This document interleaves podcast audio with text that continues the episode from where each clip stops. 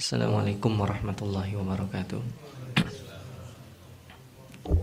Alhamdulillahirabbil alamin. Alhamdulillahilladzi an'amana bi anwa'in ni'am. Wa faddalana ala sair khalqihi bi ta'limil ilmi wal bayan. Allahumma salli wa sallim wa barik ala sayyidil anam sayyidina Muhammadin sallallahu alaihi wasallam wa ba'd.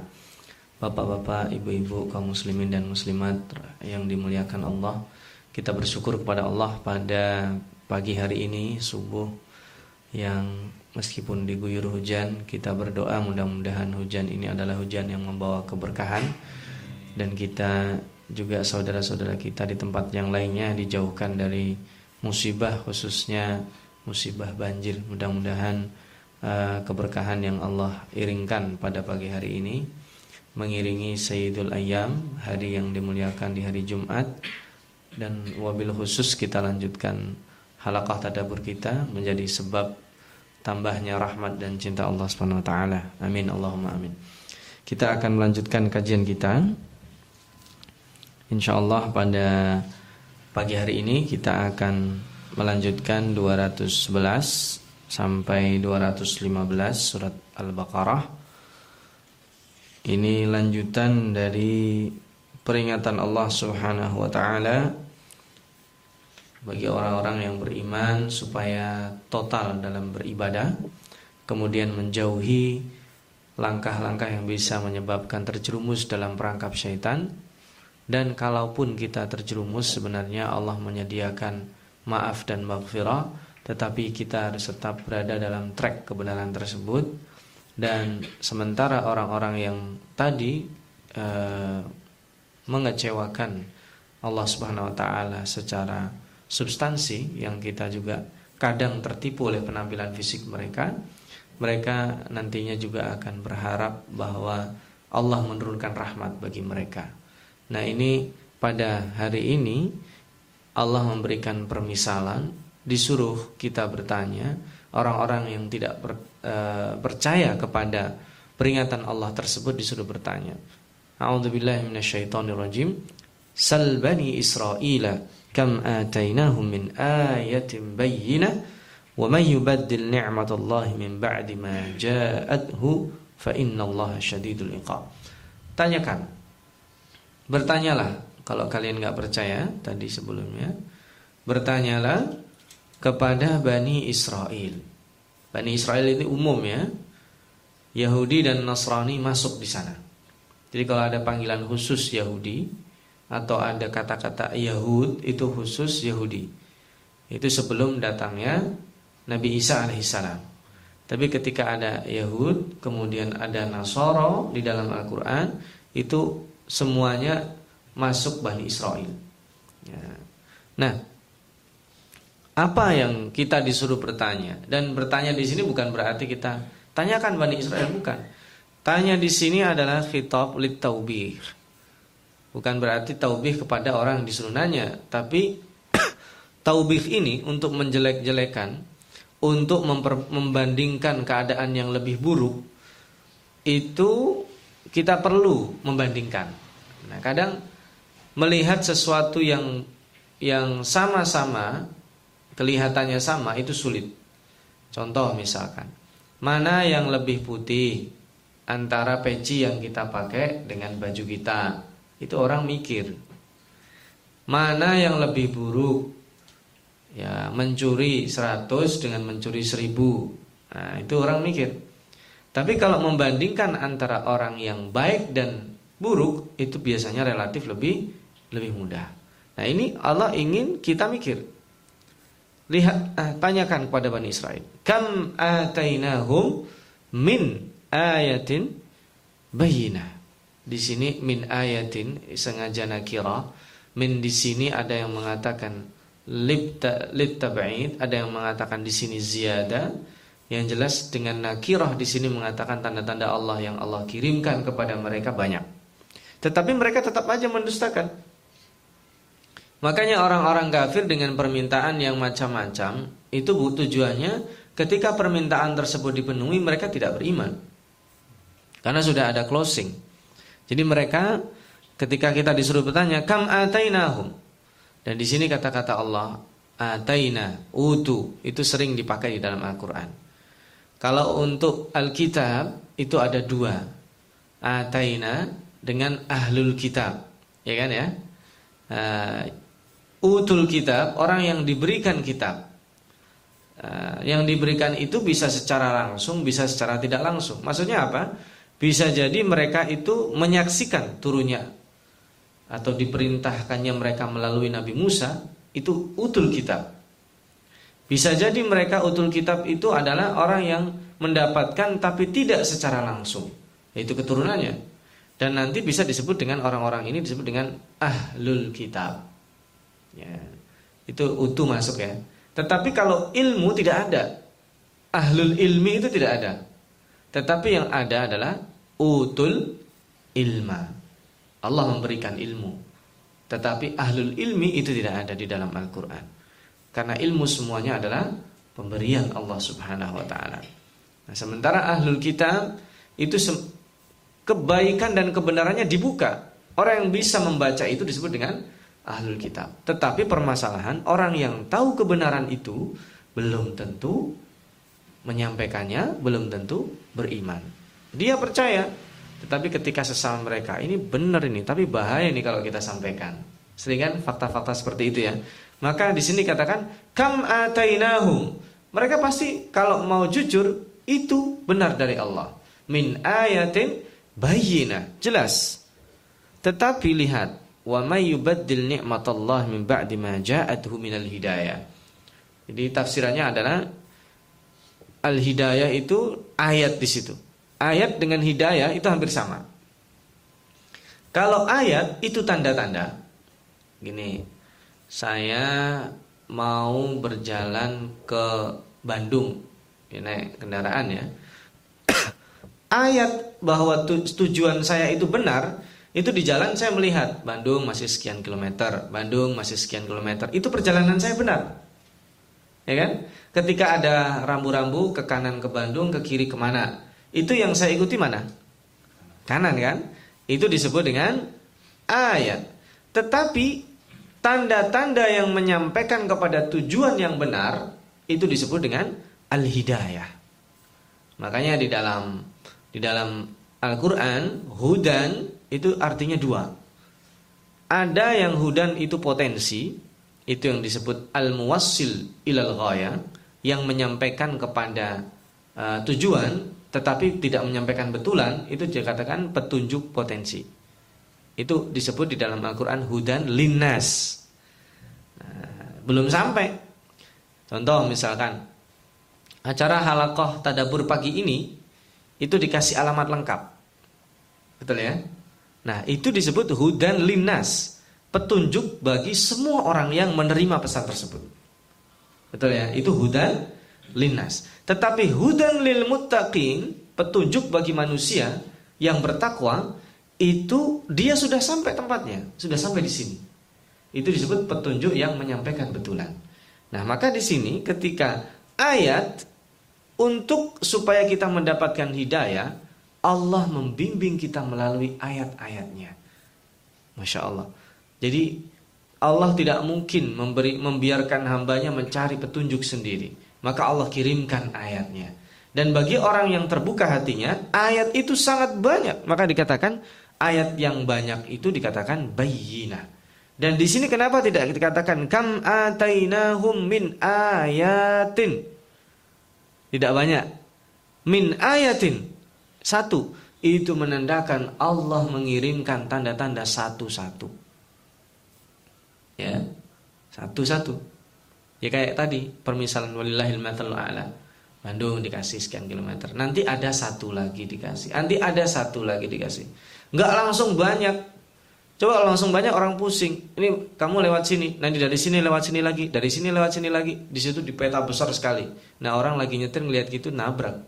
Tapi satu dia, konsentrasinya ke satu. Konsentrasi saya ke tujuan, ke hidayah. Dikirim satu ayat saja. Kemudian berjalan beberapa lama lagi dikirim satu ayat saja. Tapi bayina, jelas sekali. Maka orang-orang yang mendapatkan ayat tanda-tanda ini untuk sampai kepada hidayah, dia ganti nikmat tersebut. Yubadil di sini tidak disebut diganti apa, tapi mafhum. Ya. Diganti apa kira-kira? Petunjuk diganti kesesatan, nikmat diganti kekufuran. Dia tidak mau bersyukur. Kalau ini konteksnya adalah kita, kita dikasih Quran tidak mau baca, tidak mau mengkaji, itu disebut dengan yubatil. kita bangga dengan selain Al-Qur'an dan dan uh, petunjuk Allah Subhanahu wa taala itu dikatakan yubatil. Apa kita tidak cukup? Maka kita disuruh bertanya. Coba tanya itu Bani Israel. Bukan berarti kita disuruh datengin tanya, nggak usah. Tanya itu bisa jadi kita tanya orang lain. Eh no, kenapa sih kayak gitu? Ah, itu disebut dengan bertanya. Meskipun khitabnya langsung mubashir, tanyakan kepada Bani Israel, tapi bukan berarti kita disuruh tanya mereka langsung. Lihat mereka. Ada banyak tanda tapi mereka tidak percaya. Maka sangat pantas ketika Allah memberikan takkid. Fa innallah itu lain dengan wallahu. Fa innallah maka sesungguhnya Allah itu syadidul iqab. Kenapa tidak dikatakan fa inna iqaballahi syadid? Fa inna adzaballahi syadid. Allah mendulukan supaya kita membesarkan Allahnya. Fa innallah. Jadi antara yang memberikan petunjuk dengan memberikan tanda-tanda tadi itu ada korelasinya. Siapa itu? Allah. Allah itu siapa di sini? Syadidul iqab. Syadidul ta'dzib. Allah yang mampu menurunkan sisannya yang sangat-sangat luar biasa. Jadi kita sudah pernah membahas ya, ada di situ iqab atau adab hampir sama. Syadidun, alimun, azimun, muhinun sudah kita bahas. Nah, kemudian Allah ingin memalingkan zuyyina lilladzina kafaru Sementara orang-orang kafir kembali lagi kepada pembicaraan sebelumnya, itu diberikan zina, dihiasi di mata mereka. Bagi mereka adalah al hayatud dunya. Itu dizuyina, dihiasi sehingga terlihat sangat cantik sekali. Dunia itu bagi orang yang tidak beriman itu sangat cantik dan indah. Sehingga orang-orang bukan hanya punya potensi untuk untuk mati-matian ngejar dunia, dia hidupnya untuk dunia. Ada yang orang hidup itu cuma mau mikir saya ya kan hidup ini tidak untuk bekerja saja. Hidup ini adalah untuk beribadah. Bagian dari ibadah itu kerja cari uang. Makanya ada filosofi ya, waktu ya. Kalau orang barat mengatakan time is money, nah itulah tepat. Kenapa? Karena ini yang negatifnya ya, saya Al-Fakir ngambil negatif, yang positifnya banyak e, pepatah itu positifnya ada. Ini yang diambil negatifnya adalah time is money. Waktu adalah uang, berarti dia mikirnya uang, uang, uang. Kalau orang Arab mengatakan al waktu kasaif, waktu adalah pedang, itu dia juga ditakut-takuti itu. Makanya ada salah seorang dai yang luar biasa mengambil pepatah lain al waktu wal haya. Waktu adalah kehidupan. Yang waktu itu adalah Allah berikan kita kepada kehidupan. Bisa kita gunakan untuk mencari uang, bisa gunakan kita untuk lari daripada krisis ketakutan tadi, tapi waktu itu adalah kehidupan yang harus kita manfaatkan. Nah, ini bagi orang-orang kafir itu, kehidupan itu segala-galanya. Maka di sini al hayatud dunya ini pakar bahasa luar biasa, detil sekali. Kenapa dikatakan zuyina? Di situ muzakkar Padahal al hayatud dunya itu muannas. Padahal bisa Allah katakan zuyinat.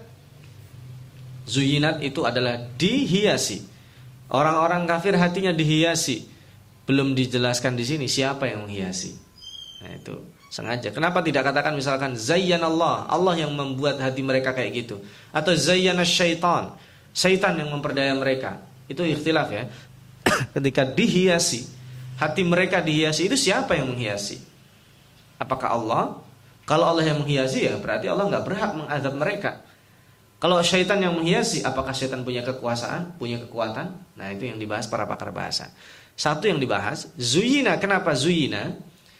Al hayatud dunya itu bukan berarti muannas secara hakiki.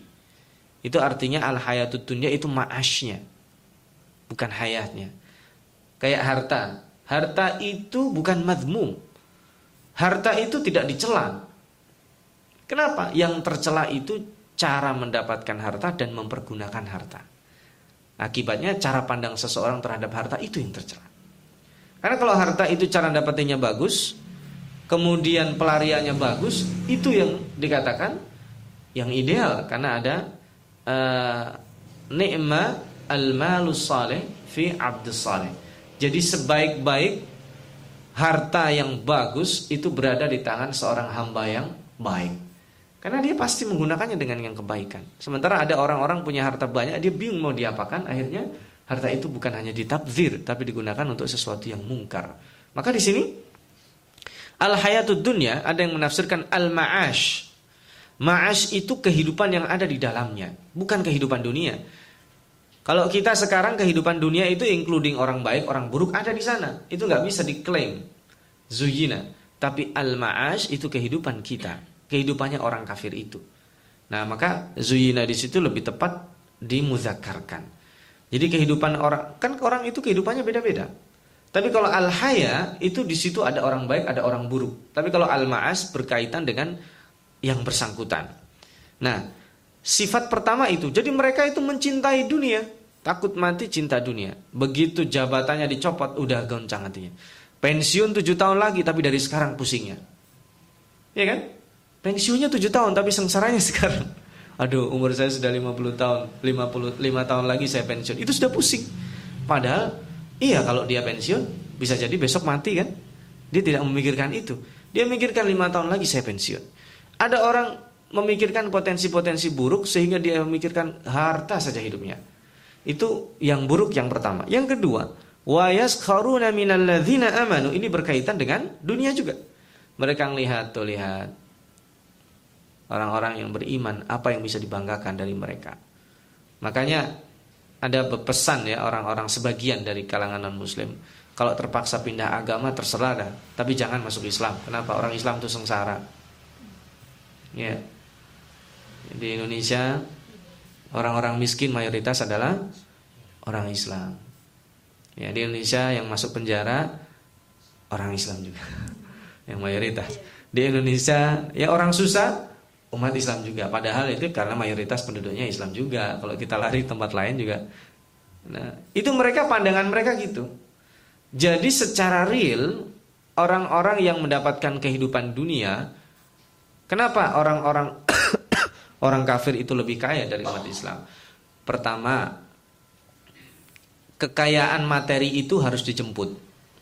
Ada sebab-sebabnya. Itu harus diusahakan.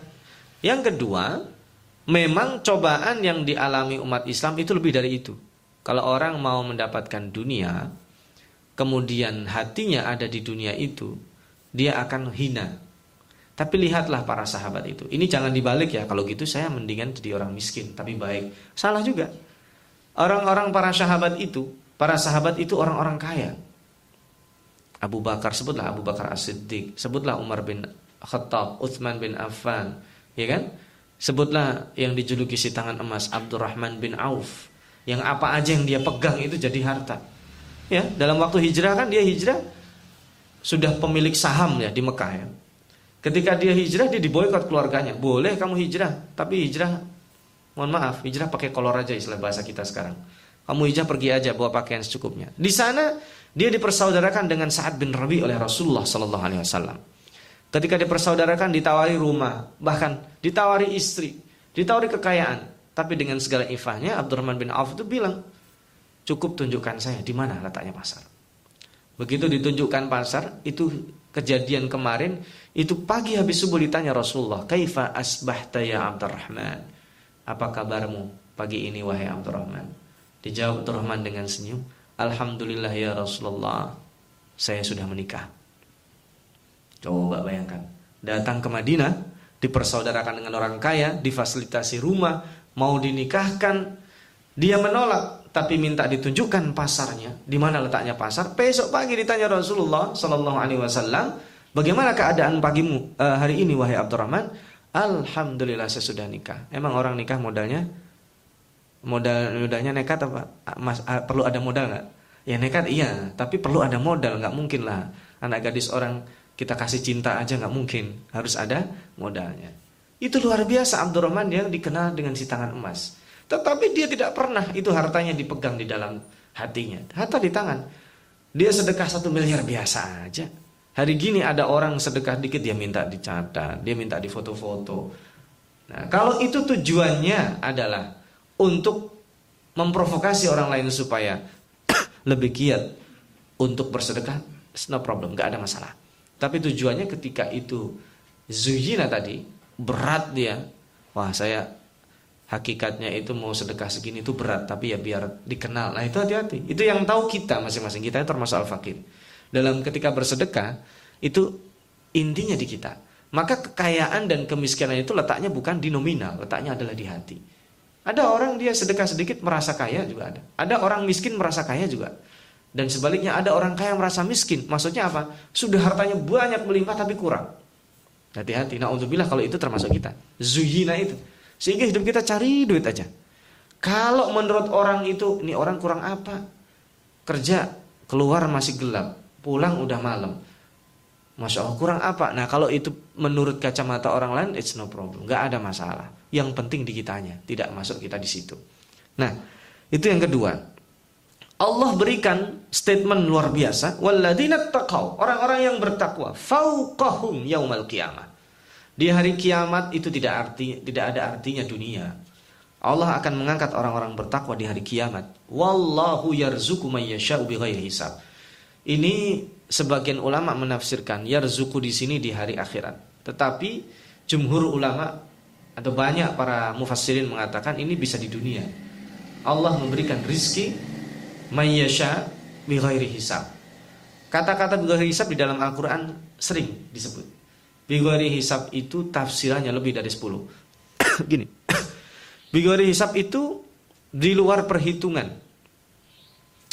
Saya hari ini atau ginilah kita hari ini orang yang gajian gaji bulanannya katakanlah nominalnya nominalnya sekian eh tahu-tahu dapat rezeki tiga kali lipat itu bigori hisap kemudian ada orang bilang gini ya itu orang jualan kayak gitu anaknya lima gimana mau hidup eh ternyata orang tersebut bukan hanya bisa hidup bisa nyekolahin anaknya bisa naik ke haji, bisa bersedekah.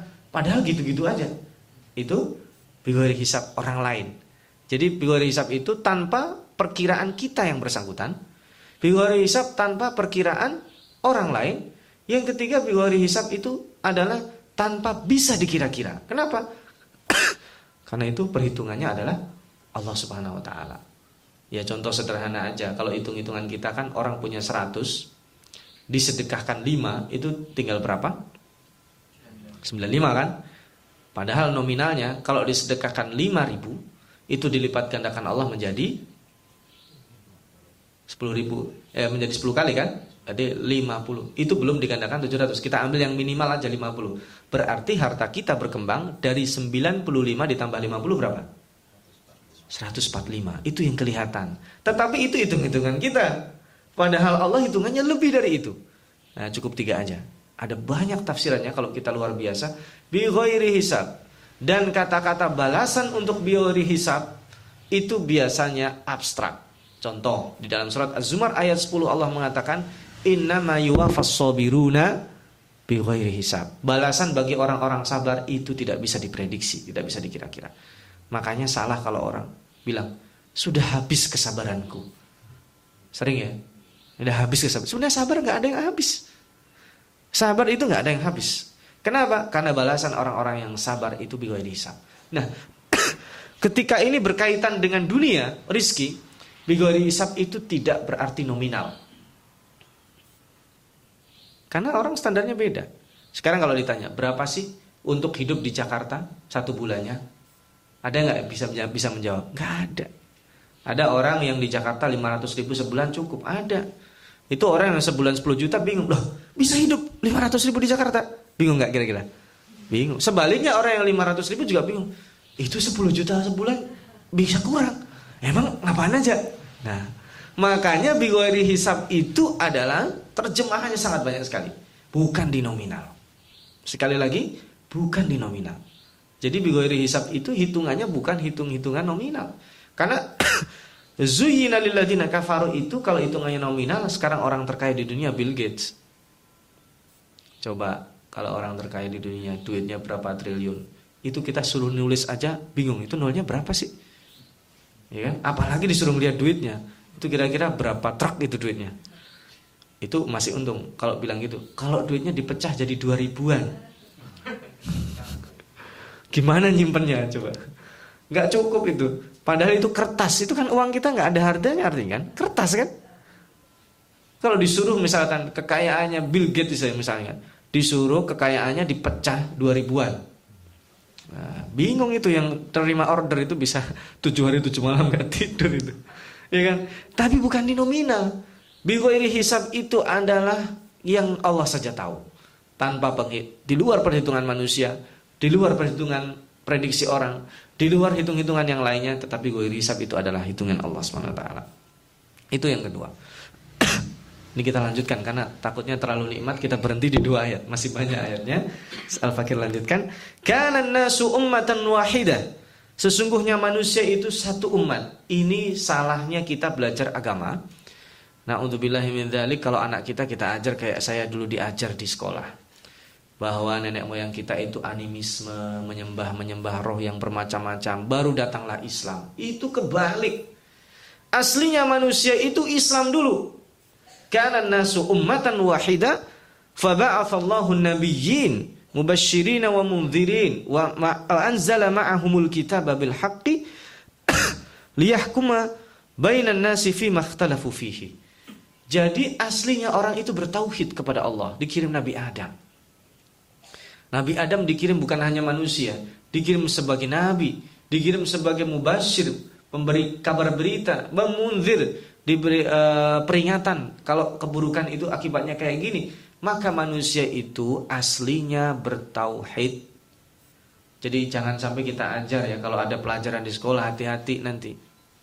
Bahwa sejarah agama Dulu nenek moyang kita itu penyembah animisme, penganut animisme, penyembah arwah nenek moyang. Dulu Tuhan itu aslinya banyak, orang tidak tahu cara menyembah Allah, kemudian Allah turunkan itu nabi salah. Jadi secara fitrah manusia pertama diciptakan itu sudah Islam, ummatan wahidah. Bukan hanya sekedar Islam, tapi dia dijadikan nabi, dikirim Nabi wa anzala ma'ahumul kitab kemudian dibekali kitab suci suhuf ya. Alkitab bukan berarti kitab saja karena Adam itu diberikan suhuf bukan kitab. Karena kitab Allah yang kita kenal ada empat. Jadi salah kalau kita artikan bahwa yang pertama itu arwah nenek moyang yang disembah yang pertama itu berhala-berhala salah tapi ummatan wahidah. Baru setelah itu berikhtilaf manusia dan Allah berikan interval-intervalnya, diturunkan nabi-nabinya dan rata-rata diturunkan di sekitar jazirah Arab. Itu mungkin kita pelajari lain waktu ya. Kenapa rahasianya para nabi itu ada di sini? Kenapa nabi itu tidak diturunkan di Indonesia misalnya? Kenapa nabi tidak diturunkan di Amerika misalnya? Kenapa nabi tidak diturunkan di kutub misalnya? Kenapa di semenanjung Arab? Itu mungkin lain waktu kita tadaburi. Wa fihi illa utuhu. Nah, kembali ke atas tadi ya, ataina. Jadi orang itu ketika diberi ada potensi untuk ikhtilaf. Kita diberi Al-Qur'an, ada potensi untuk ikhtilaf. Sebagian siap melaksanakan, sebagian tidak. Sebagian faham, sebagian tidak. Sebagian yang faham mau melaksanakan, sebagian yang faham tidak mau melaksanakan.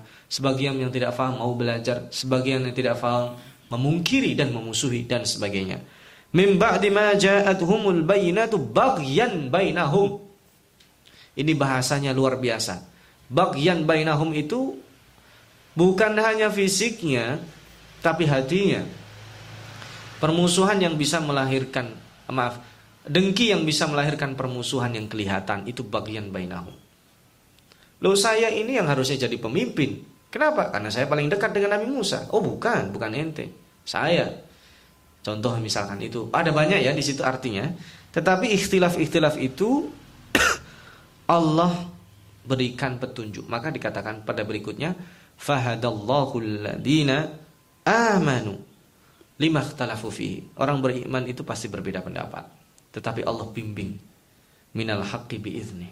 Jadi perbedaan pendapat itu wajar dan biasa tetapi orang-orang yang beriman yang akan diberikan petunjuk oleh Allah Subhanahu wa taala.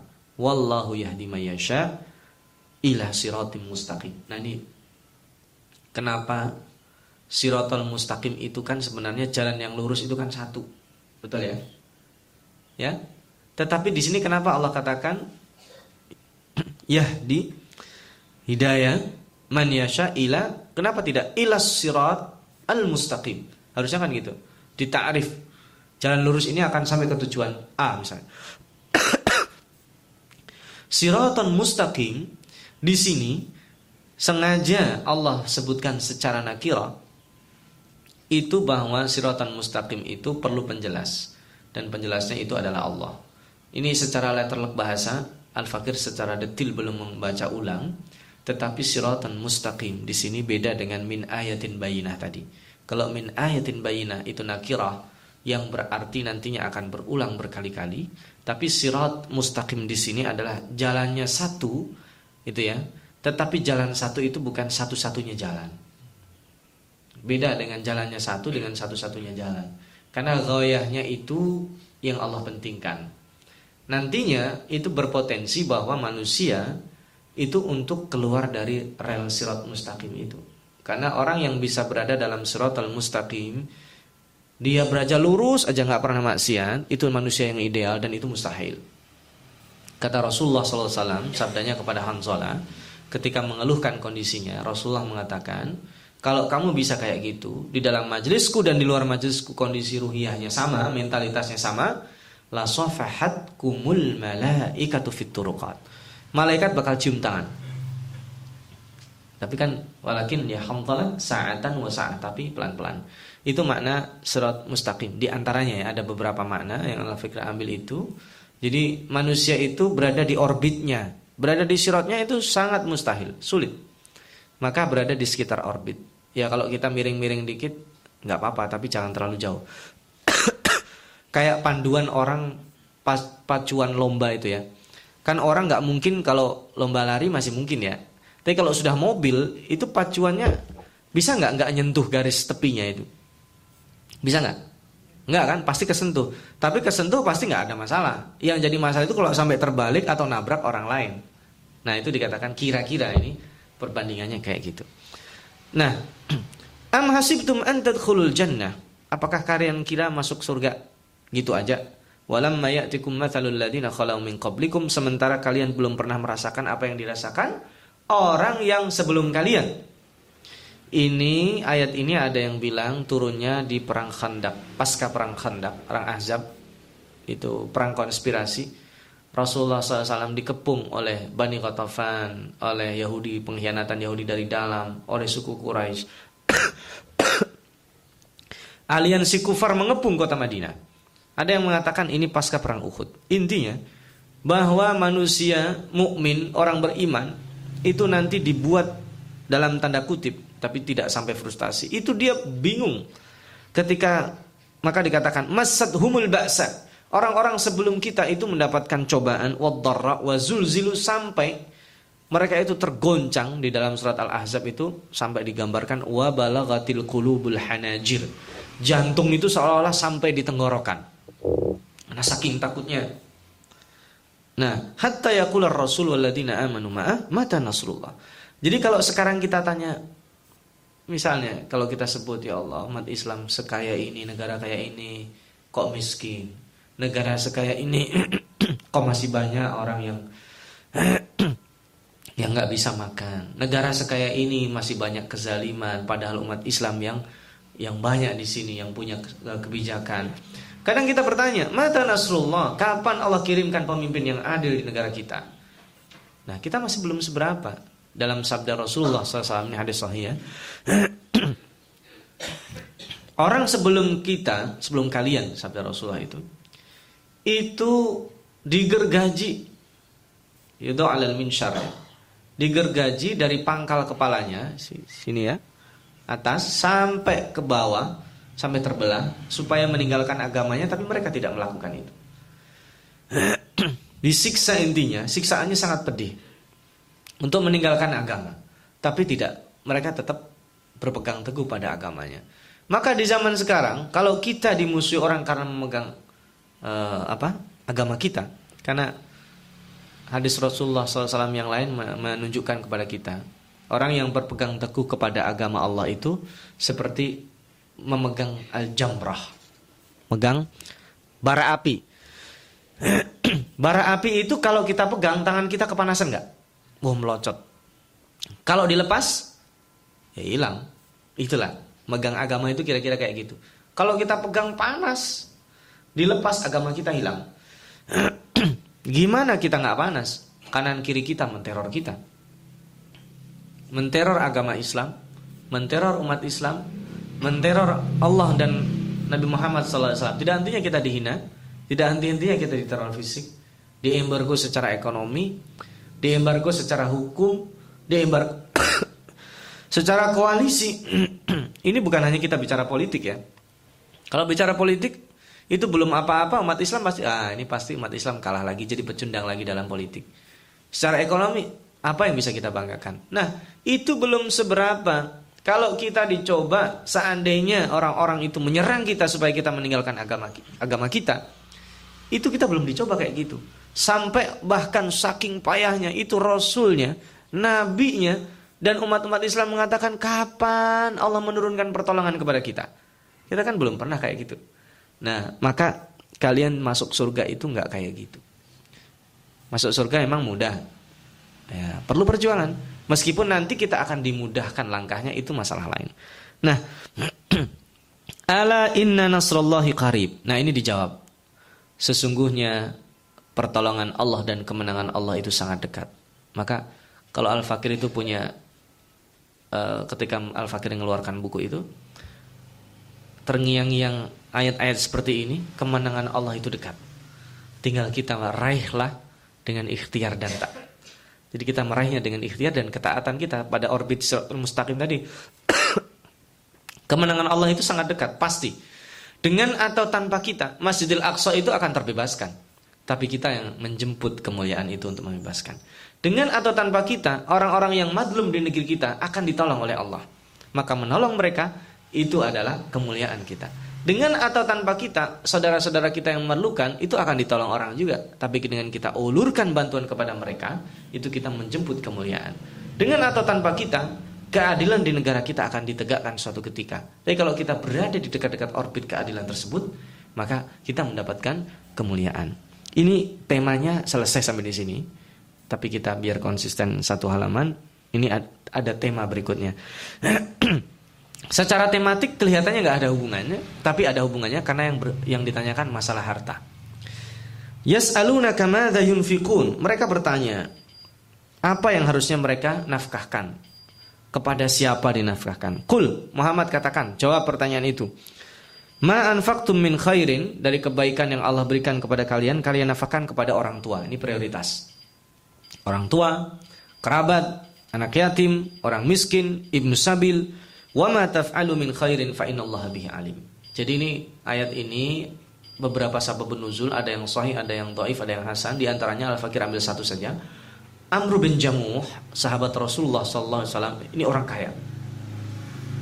Saking kayanya dia bingung. Ini gimana cara saya nafkahkan hartanya ini? Nah, kalau orang baik kan gitu, bingung tapi ada tempat konsultasinya. Maka disuruh jawab, "Qul," katakan Muhammad, bahwa hartamu yang banyak dan baik itu falil walidain. Nah, ini kalau berbicara orang tua itu kadang kita apa ya? Alhamdulillah al-fakir orang tua masih ada, tapi jauh secara fisik. Kejauhan itu kadang menjadi kendala untuk kita berkhidmat kepada orang tua kita. Kan gini, ada anak bisa mengirim sebagian dari hasil kekayaannya dari gajinya itu sama dia bisa mengirim gaji satu bulan untuk orang tua itu sudah luar biasa. Padahal orang tua memberikan hidupnya untuk kita, terutama ibu kita. Ibu itu memberikan hidupnya untuk anaknya. Dan orang tua, anak itu kalau tahu bapaknya dulu cari duitnya, dia nggak bakal bisa ukukul walidain. Hujan-hujan, ya, hujan-hujan yang kerja kerja di membahayakan nyawanya, panas-panas, tapi dilakukan. Maka itu orang tua harta yang kita punyai, prioritas nomor satunya kalau kita bisa kasih itu orang tua. Ya nominalnya, caranya ya terserah kita. Bisa kita belikan apakah buat mereka itu merasakan bahwa ini bukan balas budi, sulit untuk dibalas budi orang tua. Tetapi di sini adalah bagian dari birrul walidain dari materinya. Ini kan tadi zuyina lilladzina kafaru itu untuk mengejar dunia. Tetapi bagi orang beriman dia mendapatkan dunia dia putar lagi untuk menafkahkannya. Nomor satu prioritasnya adalah falil walidain. Kemudian yang berikutnya kerabat yang dekat. Setelah itu yatama wal masakin wabni sabil dan seterusnya. Ini bukan membicarakan zakat ya ini nafkah secara umum. Nafkah atau infak di sini kan bahasa infikun ya. Infak di kita kan traduksi ya. Bahasa infak di kita kan dibedakan. Yang namanya infak itu ya ada infak, sedekah, zakat. Beda. Padahal infak itu paling besar. Infak itu paling gede. Lalu di dalamnya ada sodakoh. Sodakoh ada dua. Yang wajib dinamakan zakat. Yang sunnah dinamakan sodakoh biasa. Nanti yang ketiga disebut dengan kordon hasanah di dalam Al-Quran. Nanti lain waktu kita bahas ya. Karena waktunya sudah mepet. Kordon hasanah atau pinjaman yang baik. Duh, Kok Allah sampai mengatakan siapa yang mau minjemin aku pinjaman yang baik? Apa maksudnya? Nanti lain waktu kita tadaburi, insyaallah. Jadi itu menandakan betapa halusnya bahasa Al-Quran. Jadi infak ini adalah frame yang paling besar, maka fleksibel, bisa berarti zakat, bisa berarti apa saja, hibah, sodako, wasiat, warisan dan sebagainya. Wa ma taf'alu min khairin yang kalian perbuat dari kebaikan itu adalah fa. Kalau tadi fa syadidul iqab, di sini juga ditakid Fa Allah maka sesungguhnya Allah Subhanahu wa taala bihi dengan yang kalian nafkahkan alimun, gak usah mikirin nanti dikatakan, ah ini sedekah supaya dikatakan ini gak usah pikirin. Ini sedekah supaya begini, gak usah dipikirin. Alimun, Allah yang maha tahu. Hakikat yang kita sedekahkan, yang kita infakkan untuk orang tua dan sebagainya itu Allah yang lebih tahu. Termasuk orang yang kita berikan infak. Dia nggak tahu. Ya, ini infak sama saya supaya saya nyoblos situ ya misalnya. Karena yang ngasih infak itu adalah caleg misalnya. Ya caleg yang bersangkutan pegang ayat ini saja. Fa innallaha bihi alim. Allah yang maha tahu. Kalau saya berinfak untuk dicoblos ya emang itu sih yang diharapkan misalnya. Tetapi lebih dari itu dia infak itu adalah untuk menambah pundi-pundi amal baiknya Mudah-mudahan ini masih masih ada potongan ayat berikutnya, tapi ini tematik yang ada kaitannya dengan yang kita bahas, yaitu dihiaskannya dunia sehingga orang kehilangan waktu privasi dan istirahatnya karena dia tidak ada melihat uh, potensi kebaikan di dunia. Ada orang-orang kafir yang melihat bahwa dunia itu adalah sisi positif lainnya yang dikejar, tidak harus kita diperbudak dunia, tetapi mereka kehilangan spirit tadi itu hidayah. Mudah-mudahan kita uh, Allah berikan tadi ya balasan bighairi hisab sehingga kita nominal ya juga perlu banyak, tetapi lebih dari itu kecukupan kita hidup di dunia itu sebagai bridging saja, sebagai jembatan untuk kita mendapatkan ridha Allah Subhanahu wa taala. Al-Fakir akhiri, jika ada beberapa uh, komentar pertanyaan beberapa menit Al-Fakir persilahkan sementara ini yang bisa Al-Fakir sampaikan. Jazakumullah khairan, mohon maaf bila ada kata-kata yang kurang berkenan. Wassalamualaikum warahmatullahi wabarakatuh.